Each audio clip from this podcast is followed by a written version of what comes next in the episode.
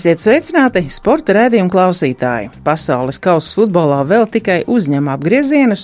Šonadēļ savus pretiniekus UEFA Champions līgā uzzināja vadošie Latvijas futbola klubi, bet kā lielajam futbolam līdzi seko mūsu jaunā maiņa, kā futbolisti trenējas privātajos sporta klubos, akadēmijās vai sporta skolās, un vai visiem vienādas iespējas, un cik vecākiem izmaksā bērns futbolists. Par šo tematu nākamajā pusstundā.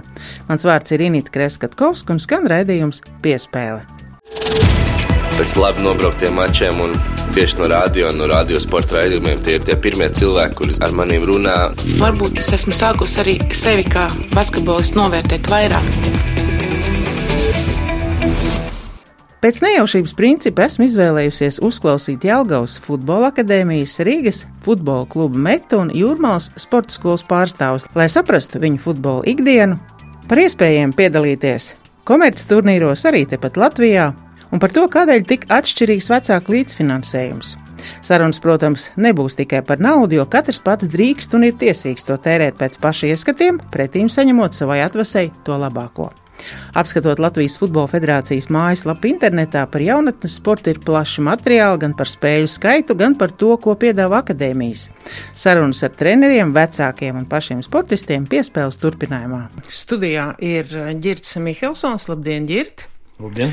Un jūs esat arī futbola kluba Meta līdzdibinātājs. Latvijas eh, klubiem visiem ir tāda eh, šī politika saucamā, kad eh, maznodrošinātie, tāpat tās bērni ar, ar, ar daudz bērnu ģimenes, ja, vai, vai ja kaut vai divi trenējās no vienas ģimenes, tad viņiem ir, ir atbalsts un, kad, teiksim, tas līdzfinansējums tikai ir par vienu bērnu un tā tālāk.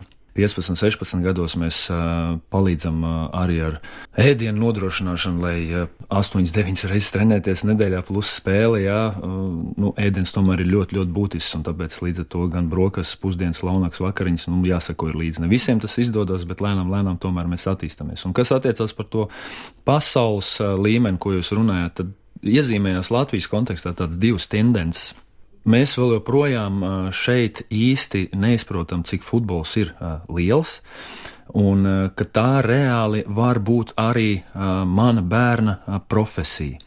Šobrīd licencēti futbolisti ir ap 18, 19 tūkstošiem. Tas ir pats lielākais skaits starp visiem Latvijas sporta veidiem, bet šī te, um, noturība un ticība tam, ka es tiešām varu kļūt pro, par profesionālu futbolistu, ir tāda mēs šaubamies, un tās šaubas tieši nāk no vecāku vidas, un, un tomēr tie piemēri um, mums ir pamaz. Pamaz, kā Mārijans Pahars vai kā basketbolā Kristaps Porziņš, ja, tad jāsako līdzi visām šīm pasaules tendencēm, bet šī informācijas apmaiņa, kas mūsdienu laikmatā ir ļoti vienkārši paveicama, dara brīnumu lietas, un tas ir ļoti, ļoti liels palīgi instruments tieši tādām valstīm kā Latvija. Futbola skola Meta aicina zēnus un meitenes uz futbola nodarbībām jau no 4 gadu vecuma. Meta ir Latvijas Futbola Federācijas akreditēta futbola akadēmija ar visaugstāko novērtējumu. Piespēles turpinājumā sazvanīja Uldi Kapakli, kura dēls Kārlis trenējas futbola skolā Meta. Parasti jau tā, vecāki ir diezgan lieli fani, vai nu paši mēģina savus tās nepiepildītos sapņus realizēt, vai paši joprojām aktīvi spēlē. Kāds ir jūsu status un varbūt iepazīstiniet ar sevi? Tuvojos veterānu vecumam, pats esmu spēlējis e, tikai amatieru futbolu, bērnībā negāju futbola skolu, un tas tāds tiešām bija nepiepildīts sapnis.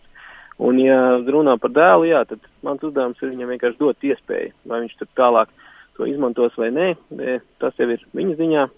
Un, protams, es nevēlos, kā saka, uzspiest viņam savu viedokli. Bet, nu, tā kā es pats aktīvi arī spēlēju dažādos amatieru turnīros, gan futbolu, gan, gan futbolu, nu, vairāk pat futbolu sanāk, tad viņš jau no maz, mazām dienām ir bijis ar manīm kopā, un tas man ir izdevies viņu aplipināt ar, ar futbola to slimību labā nozīmē.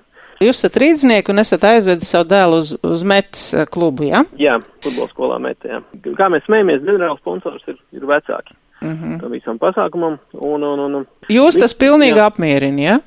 E, mani apmierina, jo futbols jau ir tikai viena maza daļa no tā. Jā. Tas tiešām man patīk tā sakārtotā vide, jā, teiksim, tas treneru kolektīvs, jā, kad, kad nav vienkārši viens treneris, kas, kas deg vai nedeg, jā, bet kad ir tāda, nu, tāda sistēma vairāk ne jau mēs audzinām futbolistus, mēs vienkārši dodam bērniem tādu interesantāk, kā piepildīt laiku. Jā, un ja kāds no viņiem ir izvēlēts par futbolistu, tas ir lieliski būtībā, jo tiešām, kā, kā metēja tas lozungs, ģimene, izglītības sports, jā, tas sakrīt ar tām, ar, nu, teiksim, tas, ko es vēlētos redzēt. Tas, tas tomēr viss notiek centrā.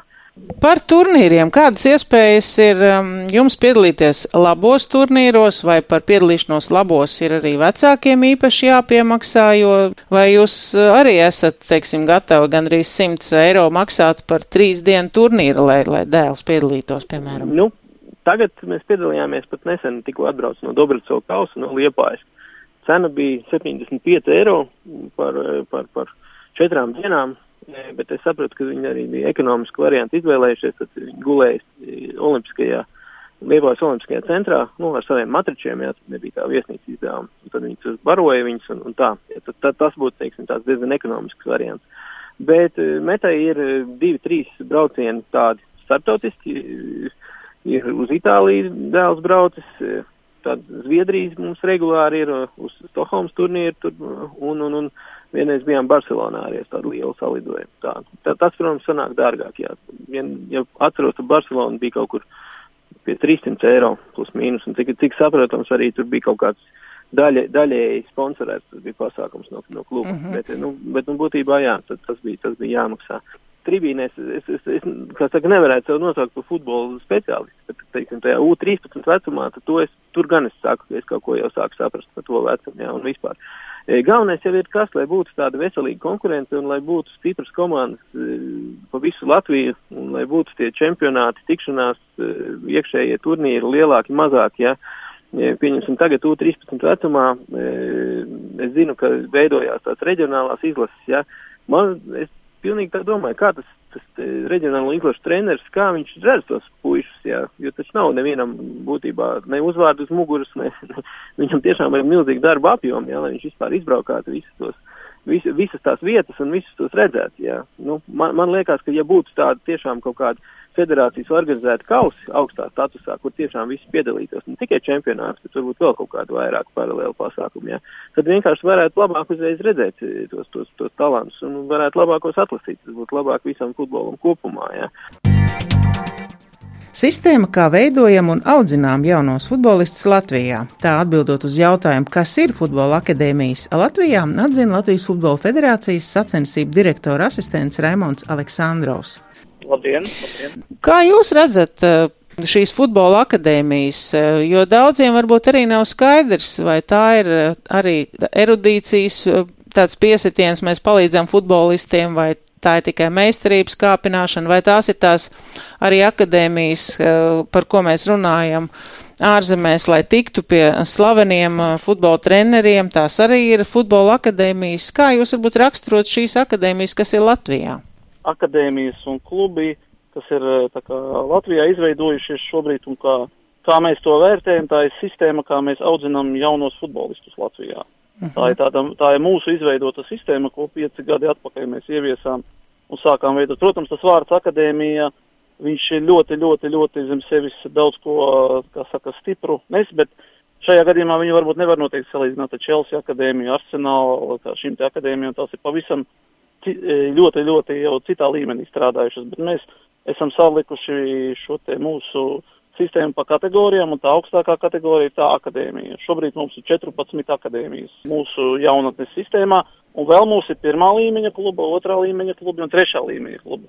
Tas nozīmē tā, ka katrs atkarībā no tā savas spēcīguma pakāpes tiek iedalīts vienā no šiem te segmentiem. Un, attiecīgi, šīs 14 akadēmijas, kas mums uz šo brīdi ir, ir sadalītas A līmeņa akadēmijās un B līmeņa akadēmijās. Un, attiecīgi, viņām vēl ir piesiets finansējums, ko šīs akadēmijas izpildot mūsu prasības, saņem kaut kā konkrētu finansējumu. Piemēram, A līmeņa akadēmija, vislabākā akadēmija var saņemt 45 tūkstoši šajā gadījumā futbola skola meta. Šo finansējumu viņa var novirzīt tikai konkrētiem mērķiem, konkrētām lietām. Tur ir attiecīgi sporta direktora finansējumam, talantu trenerim, vārdsvaru trenerim, tu daudz šo dažādu to iedalījumu ir. -hmm. Jau B līmeņa akadēmija var saņemt no 25 līdz 20 tūkstoši. Tās labākās 25 un tā kā pišķi, pišķi, kas zem tās 20. Ja? Attiecīgi tur jau ir finansējums tam klāt. Un katru gadu reizi gadā mums tām akadēmijām notiek izvērtēšanā, un viņas var šo statusu palielināt, piemēram, B līmeņa akadēmija var kļūt par A līmeņa akadēmiju. Praktiski zem katras akadēmijas, vismaz pēc mūsu prasībām, ir virslīgas komanda. Šogad septiņām virslīgas komandām tātad ir akadēmijas, un vienai no viņām, Jūrmalas Spartakam, diemžēl viņas šo statusu pazaudēja, un viņas samaksāja kompensāciju par šo, kas ir paredzēts. Attiecīgi, jo spēcīgāki kļūs šie lielie klubi, kas ir mums tie vadošie, un viņiem būs lielāka finansija, jo vairāk viņi varēs ieguldīt naudas akadēmijas. Tā tas notiek uh, praktiski visās spēcīgajās uh, Eiropas futbola valstīs, piemēram, Anglijas jaunatnes futbols ļoti pēdējā laikā uzlabojas savas kvalitātes, pateicoties tam, ka tieši futbola federācijas prasība bija šo te akadēmiju attīstīšana, un Premjerlīgas komandas vadošās ieguldīja ļoti lielas naudas šo te akadēmiju attīstīšanā. Attiecīgi attīstījās arī treneri e, sāka izglītoti un plus attiecīgi skautošana. Tātad tie labākie spēlētāji tika piesaistīti. Vienīgais, kā es redzu, kad um, mēs varēsim atvieglot šo te vecāku maciņu. Uh mhm. -huh. Līdz tam tas būs tikai un vienīgi šādi, jo klubi paši praktiski nepelna naudu. Edgars Klenausks, Jelgavas futbola akadēmijas vadītājs. Radīt, radīt tādas nosacījumus, ka vispār var izaugt kaut kāds futbolists Jelgavā, ja, tā radītos treniņa, treniņa apstākļus tam, lai var, varētu sagatavot, jā, spēlētājs priekš virslīgas, priekš ārzemēm. Nu, tā, tādi spēlētājs, ar kuriem mēs varētu spēlēt gan Eiro, Eiropas kausos, jā, un uh, lai tie ir savai spēlētāji. Pagājušā gada jau bija pirmā, pirmā pieredze, kad nu, ne tikai jā, mums ir baseini, judo treniņi un tā tālāk, jā, gan futbola treniņi, kas ir kā atbild par to fizisko sagatavotību, jā, un tehnisko. Pagājušajā gadā jau vienai grupai mēģinājām šaha nodarbības, arī attīstot to loģisko domāšanu un spēju paredzēt pāris soļus uz priekšu. Uh mhm. -huh. tad, tad šī varētu būt tā galvenā atšķirība salīdzinot, teiksim, ar um, valsts finansētām sporta skolām, kas ir tieši futbola skolas. Tik mēs satiekamies ar tām labākajām skolām, jā, nu tā kā viņas arī visas cenšas attīstīt vispusīgi spēlētājs. Ja, jā kaut ko tādu, ko nedara citi, mēs neko nedaram. Ja? Un tā paša, tie paši baseini treniņi, judo treniņi, tas ir atkal notiek uh, vairākas vietas Latvijā un to izmanto. Jā, parastās, parastās sporta skolas varbūt viņas tā skatās uz to vienkārši, tas kā, nezinu, kā tautas, tautas futbolu varbūt tādu, dod vienkārši iespēju bērniem trenēties. Mēs tā kā vairāk gribam tomēr uh, profesionālāk pieiet pie, pie tā spēlētāja sagatavošanās, jo, jo saprotam, ka nu, tikai trenēties nosīt futbolā mēs ne, nevarēsim sagatavot augsta līmeņa spēlētāju. Mhm. Vai jūs varat apgalvot, ka jūsu akadēmijā, piemēram, ir arī kvalitatīvāki treneri? Ir licencēti treneri ar augstām licencēm, mums ir ar seši treneri ar A licenci. Visbeidzot, vai jūs arī cenšaties aizgādāt kādu no saviem labākajiem vai sarūpēt arī ārzemju akadēmijas piedalīšanos, vai tas ir tā kā būtiski jums atrādīt varbūt kādu no saviem talantiem? Uz doto brīdi, saku, mums tādi nav gadu atpakaļ jau veidojam tādu nelielu sadarbību ar Norvēģijas klubu. Un plus vēl šogad ir, tā, do, ir, ir tāda doma aizsūtīt eh, uz Vācijas pārbaudēm divus spēlētājus. Ar tādu domu, ka, lai viņus novērtētu un pateiktu, kāds ir viņa līmenis un nu, nu, saņemt to novērtējumu no, no klubiem. Mm. Un visbeidzot arī varbūt par vecāku maciņiem. Vai ir kāda iecerē, kā šajā ziņā atvieglot vecāku maksājumus uh, nākotnē, vai ir kaut kāds gadu cens, kad šis uh, bērns, kas pats varbūt uh, arī mm, maksā par sevi, pareizāk sekot viņa ģimene, varbūt ar laiku tas tā kā nu, izlīdzinās mēs ejam uz to, ka mēs gribētu, lai tā samaksa būtu mazāka, bet uz, nu, uz doto brīdi mēs arī saprotam, ja, ka mēs esam privātais klubs un, un nu, tā kaut kāda daļa tāpat tās eh, vecākiem ir jāmaksā. Un skaidrs, ka tagad mēs arī ejam uz sporta skolas tādas iegūšanu. Mēs gribam šo, šī gada laikā akreditēties kā sporta skola, un varbūt tā būtu vēl papildus iespēja, kā pretendēt uz valsts naudu, un tā, tādējādi mēs varētu atvieglot kaut kā to vecāku slogu. Jā, es nezinu, vai, vai tā būs sa maksas samazināšana, uh, vai tā būs kaut kāda vecuma grupa vispār maksas atcelšana, vai tā būs, nezinu, ekipējuma nodrošināšana, bet kaut kāda veida, kaut kāda veida mēs plānojam, jā, ka mēs varētu, it kā reāli mēs būtu privāta sporta skola, tā, tāpat kā Meta, Alberts, ja, Dināma Rīga, vairāki klubi, nu tas, tas ir, tas ir iespējams. Raidījuma piespēle turpinājumā Jelgaunieca Sigita Liše stāstīs par savu pieredzi vedot divus bērnus uz futbola nodarbībām Jelgavas futbola akadēmijā. Vecākiem augustā būs septiņi gadi, un viņš trenējas jau no trīs gadu vecuma. Jā, Jūs esat Jelgaunieca, un jūsu bērns trenējas um, Jelgavas fu futbola akadēmijā. trenējās divi bērni, un vecākais bērns jau īstenībā trenējās no trīs gadu vecuma. Mums bija tā lieliskā iespēja, ka mēs bijām tas gads, kad futbola klubā Jāgo eksperimentēja paņemt mazākus bērnus ar domu, ka viņus jau pamatos jau daudz vairāk, jo praktiski līdz zim, cik es biju dzirdējusi, ka ņem no sešiem, septiņiem, respektīvi sakrīt ar skolas vecumu, nu tad, kad viņi jau apzināti zina, ko viņi grib vieglāk mācīties. Nu šī gada arī jaunākais bērns, četri gadi, kur futbola klubā Jālgava ir paņēmusi šo bērnu tikai uz varbūt stāv, ka viņš spēja tehniski līdzi, jo viņš jau redz, kā vecākais trenējās, viņš jau spēja vis, vispār uzmanību treniņu laikā nodarboties. Ja runājam par maksu, es varbūt būšu no tiem vecākiem, kad futbols man par diviem bērniem sanāk 60, ja par vienu bērnu tie 38, bet tas nav tas dārgākais sporta veids, man teiks, jo man paralēli bērni iet arī citos pulciņos, kur viena, ja es, es vienmēr izreikinu vienu nodarbību uz laiku, ko dara, nu, es teikšu, tas ir demokratiskākais treniņu veids, diemžēl. Citiem, kur nodarbojas, jo, kā mēs zinām, Jālgavas kurs ir privātais. Daudz vecāku, kas nezina, varbūt nezina, vai kāda komunikācija, kad uh, par šo futbolu ir iespējams gada deklarācijā atmaksāt atpakaļ. Tad tie 23%, kā jebkura izglītība, ko ja ir saņēmusi klubs licenci, ka mēs dabūjam šos 23% atpakaļ. Pārējām izmaksām, protams, ir jāmaksā gan sporta tērpi. Tad, ja mēs runāsim par sporta skolām, mums tepat tās ir Jelgavā, ko finansē visu, tev mēnesī ir 5-6 eiro tikai jāmaksā vai ozolnie, kas ir tūma arī no visas sponsorē. Bet uh, tur nebija tas vecums, ka no 3 gadu vecuma tu drīkst ņemt, nu, laist to bērnu. Tas man šī brīdī nostrādāja. Protams, es priecātos par to, ka uh, manā gadījumā sanāk, ka es audzinu vienus bērnus, kad gribētos varbūt tāds atvieglojums, kad man liekas, ka ir daudz bērnu ģimenēm, ka tev ir trīs bērni, bet ja tu esi viena ar diviem, nu tad tas laikam nav tas bonus, bet tas man liekas visā valstī ir. Piedalīšanās tādos komerces turnīros, ja brauc komandu uz trim dienām vai četrām mm -hmm. un ir jāmaksā šie 100 eiro, nu tas ir diezgan padārgi no vecāku maciņa. Man tāds vienkāršs elementārs piemērs, kad es parunāju ar sportistiem, kas brauc kaut kur citur uz ārzemēm, man bija no handbola, arī jaunieši bija braukuši, nu, pāris gadus atpakaļ, ka viņi brauc uz Somiju, trīs dienām tas maksā 820 eiro. Mēs braucam te patās uz Latviju, un tā summa ir gandrīz tuvu tam, tad es nezinu, kā veidojās. Nu, mums kā vecākiem noteikti nestāstam. Protams, ka vecāks, ja tas viss būtu bez maksas, tikai es par, ja pašvaldība, kurā nāk, to var atrisināt, man nav problēma. Ko jūs cerat, vai kādi jums ir ieteikumi varbūt?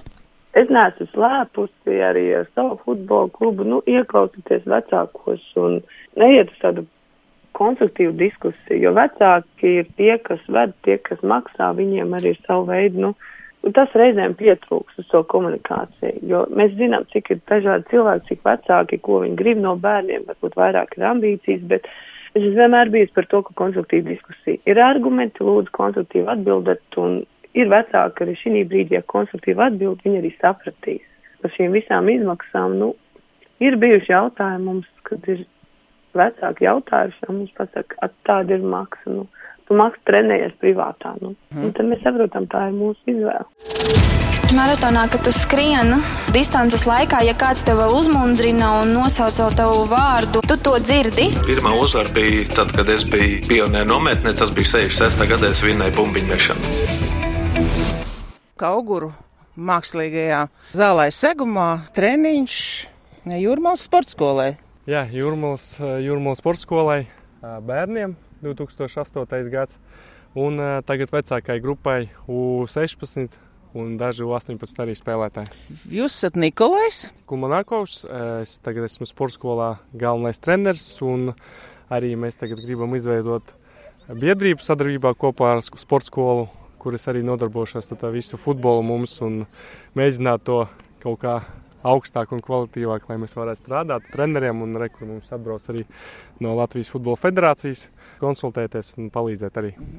Vai ir tā, ka ir visiem iespējas attīstīties, vai tas ir, teiksim, atšķirīgs finansējums vecākiem, vai kā jūs raksturot, vai arī jūsu sporta skolā ir iespējas uh, trenēties un piedalīties tikpat uh, spēcīgi līmeņa turnīros, kā ir varbūt futbola kluba Jelgava vai, vai Rīgas uh, labākajām vienībām? Jā, jā, protams, mēs tāpat īstenībā tā, visiem klubiem ir vienā tie paši turnīri, un mēs piedalāmies tajā pašos tikko brīvdienās.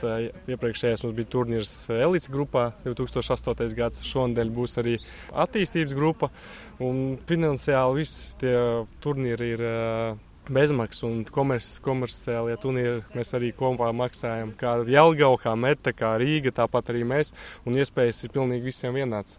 Pat treniņiem arī sporta skolā mums neko nevajag maksāt.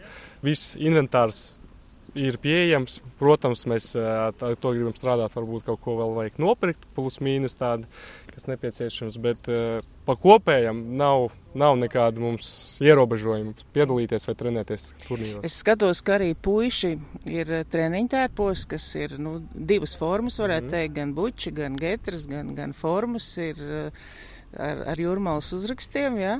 Šitās formas ir tieši no sporta skolas. Mums deva visiem sarkanā un arī iepriekš zilās dažādas. Jo sporta skolai mums iedeva, bet mēs arī tās formas, piemēram, spēlēšanai, mēs pirkām tikai sev. Bet, tāpēc mēs arī tagad strādājam to, lai izveidotu biedrību un kopā ar sporta skolu, jums varētu mums federācija palīdzēs.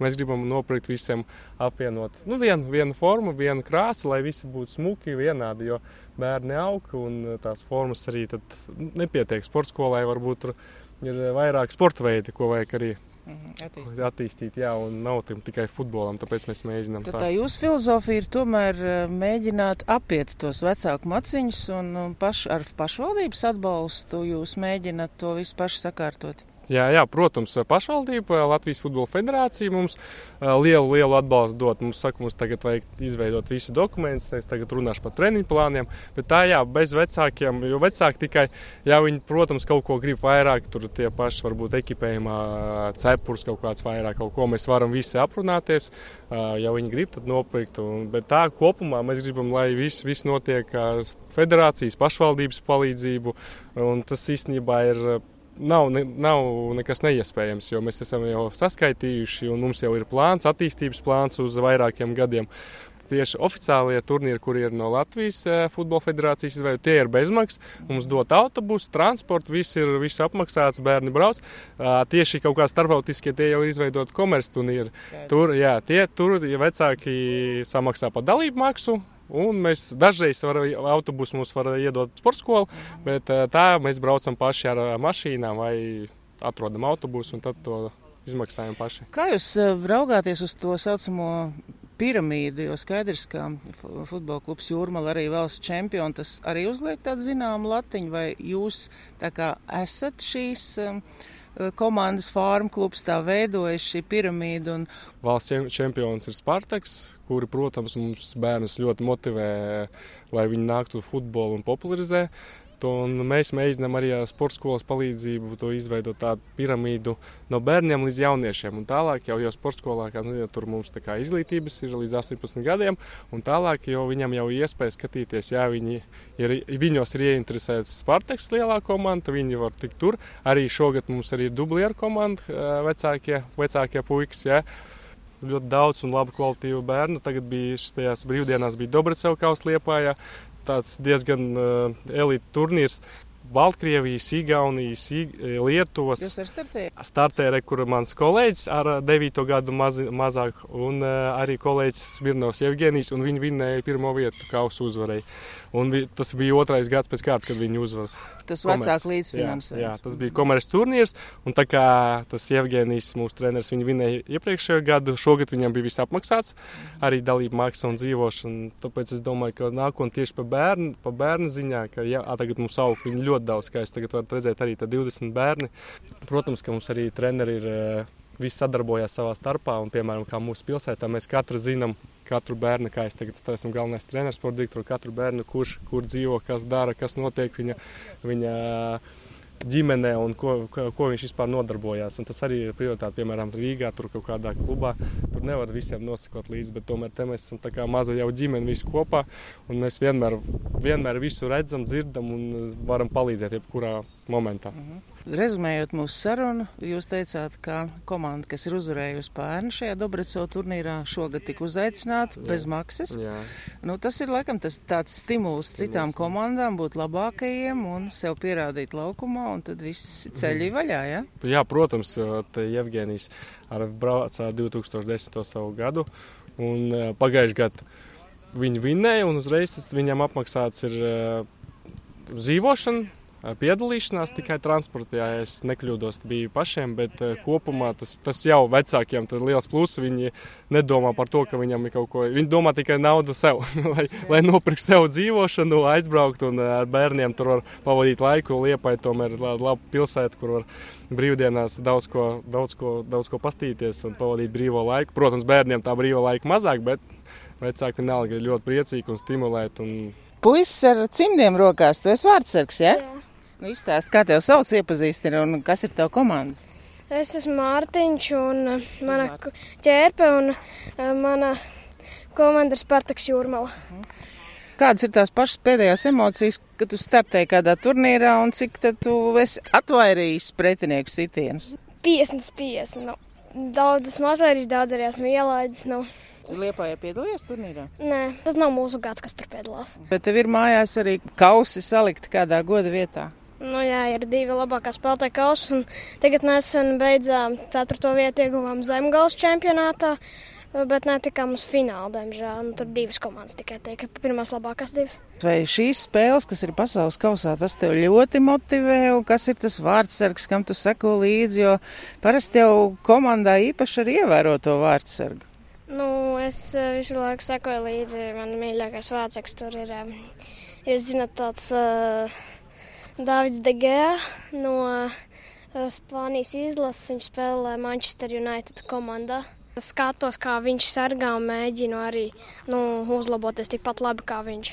Kā tu uzskati, ir vārdsargam jābūt gudram, fiziski attīstītam un arī nu, ar tā saucamo sajūtu, kur tā bumba lidos. Kā tu to, vai tu to vari arī uztrenēt, vai tas tev ir jau dabas dots? Es pat īsti nezinu. Gan es esmu pusi uztrinājis, gan jau es arī man kaut kā bija aizgājis, kā es atnācu uz futbolu. Tā uzreiz arī man kaut kā sanāca tā vārds ar vietu. Labi. Kāda ir tava prognoze, kas uzvarēs um, pasaules kausā, vai ir kādi pārsteigumi jau tagad vērojot spēles? Uh, jā, kad ka Brazīlija ar Šveici viens viens un ka. Nu, es domāju, ka čempiona būs vai nu Vācija, vai nu Portugāla, vai nu Brazīlija. Un pārsteigumi man bijuši, ka Meksika, piemēram, vinnēja vāciešus negaidīt ļoti. Cik tev pašam ir svarīgi, ka tu spēlē pilsētā, kas ir valsts čempioni, un jūs tā kā tādi nu, mazie puiši, kas grib lielajā komandā tikt, un droši vien, ka arī lielajā izlasē kādreiz? Īsti nevar pateikt. Ļoti, nu tā, arī gribas sasniegt to pašu, ko viņi izdarīja, un arī kaut kur kļūt par nu, uzvarētājiem. Labi, lai tev turpmāk veicās, lai 50 uz 50 pārtop par 70 uz 30 apmēram procentus, ko tu vari atsist, ja? Jā, paldies. Labi, paldies, laimīgi tev atā. Paldies. Mm, es Maksims. Mahālovs. Tava grupa ir jau nedaudz lielāka puiši. Uz 16, uz 17. Kā pasaules kausa ietekmē jūsu vēlmi nodarboties, vai var just, ka ir pilnīgi cita attieksme, tagad gribās trenēties, mācīties, atkārtot? Nu, pagaidām grūti par to runāt, jo vienkārši skatāmies to pasaules kausu, bet īpaši neietekmē. Mums ir vēlme tikt pēc tam nākotnē ar Latvijas izlasi uz pasaules kausu. Es dzirdēju gan no rīta, gan vakarā, vai tas ir tikai vasaras laikā. Jums ir tāda iespēja izmantot šo kurortu pilsētas statusu? Nu, principā jā, tikai vasaras laikā, jo pa ziemu ir tikai dienā treniņi. Un tā ir, jo daudz vienkārši strādā, tāpēc arī uztaisīja no rīta un vakarā. Es esmu vārdsargs pēc pozīcijas. Tā reģionālā izlase. Sākumā gribētos tikt vienkārši uz virslīgas komandu. Tālāk tur vajadzēja skatīties, ja tā reāli domāt. Kā jūs latviešu puikas raugāties uz to, ka Latvijas čempionātā daudz ir arī leģionāri, un, un vai nav tā, ka pašiem jāsēž malā un kādi iebraucēji spēlē, vai tomēr tā ir jums arī tā motivācija panākt tādu Jā. līmeņu? Tā ir lielāka mums motivācija, jo tad tu saproti, ka, tev, ka tev, piemēram, Krievijas čempionātā ir uz to uz leģionāru limits. Tur vienkārši spēlēt, un neuztraukties par to, ka kāds var aizņemt tavu vietu pamatsastāvā. Bet šeit tā nav. Tāpēc tā kā, vienmēr tev jātrenējas, lai tu varētu tikt. Manuprāt, labākais vārds pasaul, pasaules čempionāts ir vācu vārds Marka Andrēta Terštegens. Viņš. Un sev nākotnes komandu nenosauc? Virslīgi, un tad es gribu spēlēt Anglijas čempionātā. Es domāju par kaut kādu Vesthamu. Tas būtu labi. Izskan redzējums piespēle. Pasaules futbola kausa laikā nedaudz iepazināmies arī ar Latvijas jaunatnes futbolu un tā attīstības vīziju. Es Inīti Kreskatkovska no jums atvedos uz sacirdēšanos.